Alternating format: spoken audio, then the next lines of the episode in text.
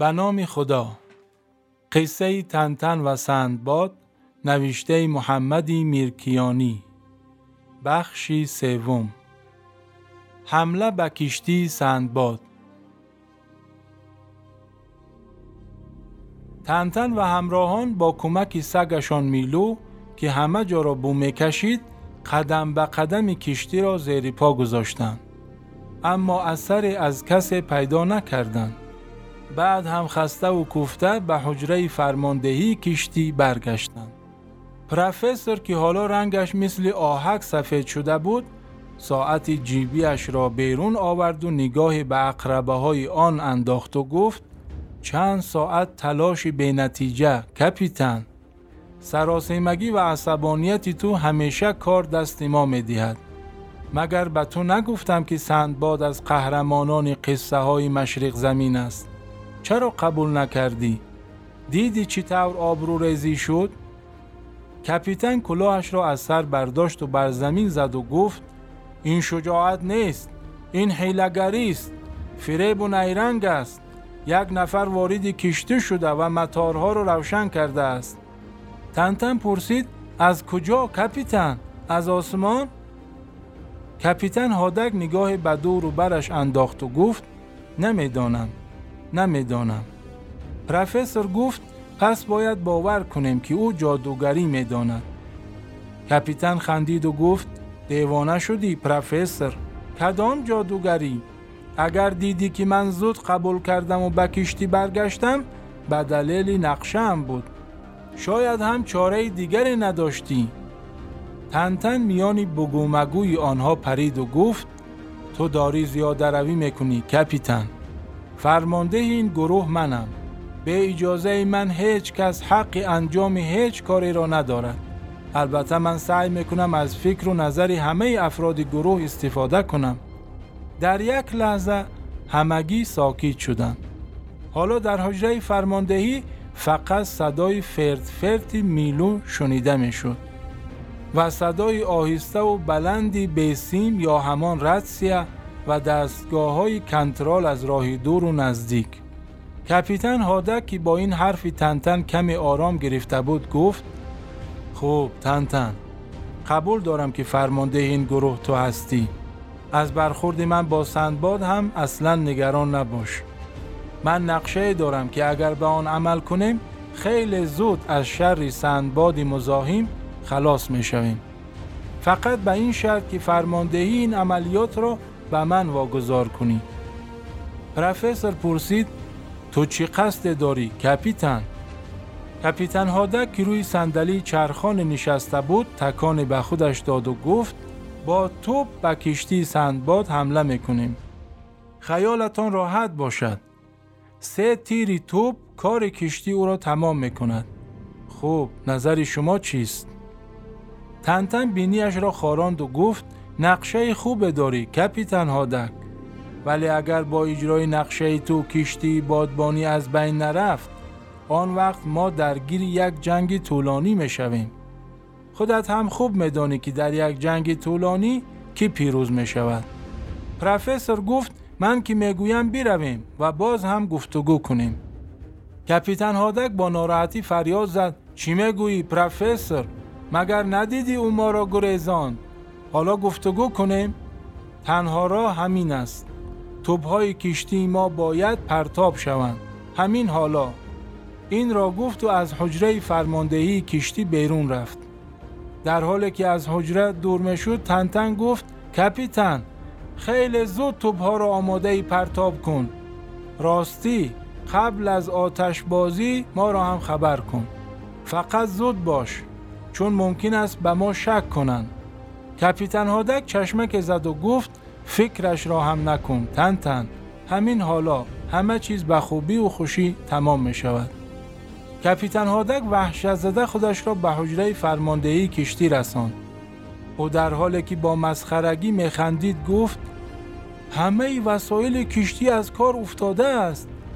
درست گفتی پروفسور. این سندباد واقعا یک جادوگر است.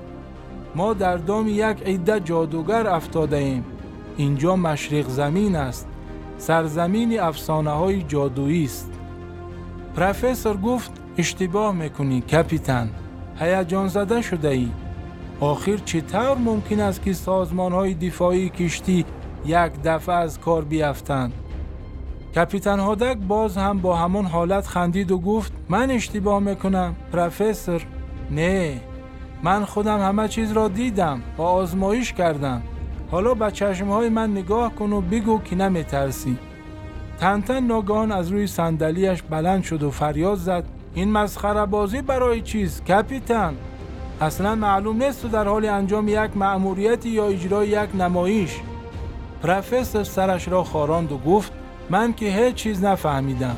تماما گیت شدم تنتن به طرف کپیتان هادک رفت و گفت خب کپیتان. حالا خیلی خونسرد و دقیق بگو. که روی عرشه کشتی چی دیدی و چی کار کردی؟ کپیتان هادک که می‌خواست وانمود کند خونسرد است صدایش را پایین آورد و گفت خوب همان طور که گفتم رفتم روی عرشه کشتی.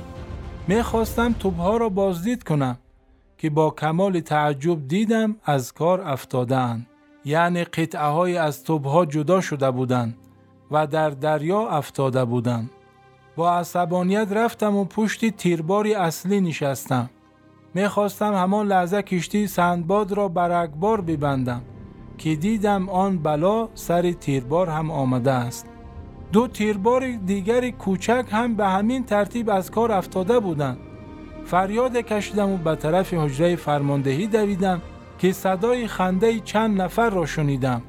این نشان می‌دهد که در آن کشتی بجز سندباد افراد دیگری هم هستند. پروفسور گفت شاید آن ماهیگیر و پسرش خندیدند.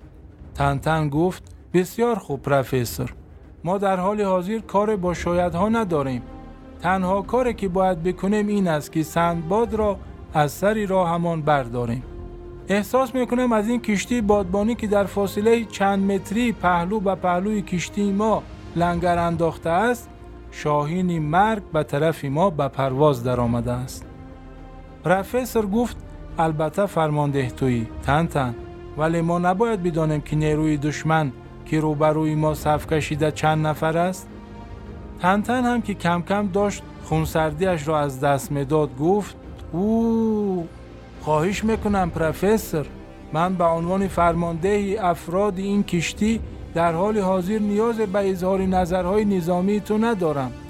بعد با انگشت روی سری تاس پروفسور زد و گفت من فقط به اطلاعات علمی تو احتیاج دارم پروفسور.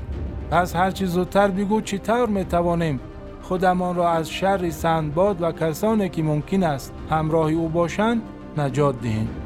پروفسور بلند شد. یک دستش را به میان گرفت و در حجره فرماندهی شروع به قدم زدن کرد. یک دو سه. یک دو سه. کپیتن هادک که از این طور قدم زدن پروفسور کاملا کلافه شده بود. با به حوصلگی گفت پروفسور پروفسور هم طور با خیال راحت به این طرف و آن طرف می رود. که گویا روی دیوار چین قدم می زند و گردش می کند. اصلا احساس نمی کند که ما در چند متری مرگ قرار داریم. پروفسور در افکار خودش غرق بود که ناگهان از خوشحالی جیغ کشید و و طرف کپیتان هادک دوید و گفت چه گفتی کپیتان؟ یک بار دیگر تکرار کن کپیتان که فکر می‌کرد اگر داد بزند پروفسور را بیشتر عصبانی می‌کند با صدای بلند گفت گفتم که خیالت خیلی راحت است پروفسور. مثل اینکه روی دیوار چین قدم می‌زنی و گردش می‌کنی. پروفسور عینکش را جابجا کرد و گفت شنیدی تن تن؟ گفت دیوار چین. پیدا کردم پیدا کردم. کپیتان هادک از شنیدن این سخن تعجب کرد و به پروفسور خیره شد. تنتن پرسید چی را پیدا کردی پروفسور؟ پروفسور که دیگر از خوشحالی روی پا بند نبود گفت ما باید چند تا موشک ساده چینی بسازیم. با همین موشک ها می توانیم کشتی بادبانی سندباد را غرق کنیم. پس هرچه زودتر مقدار بنزین و چند قطی خالی برای من بیاورید. پایانی بخشی سوم.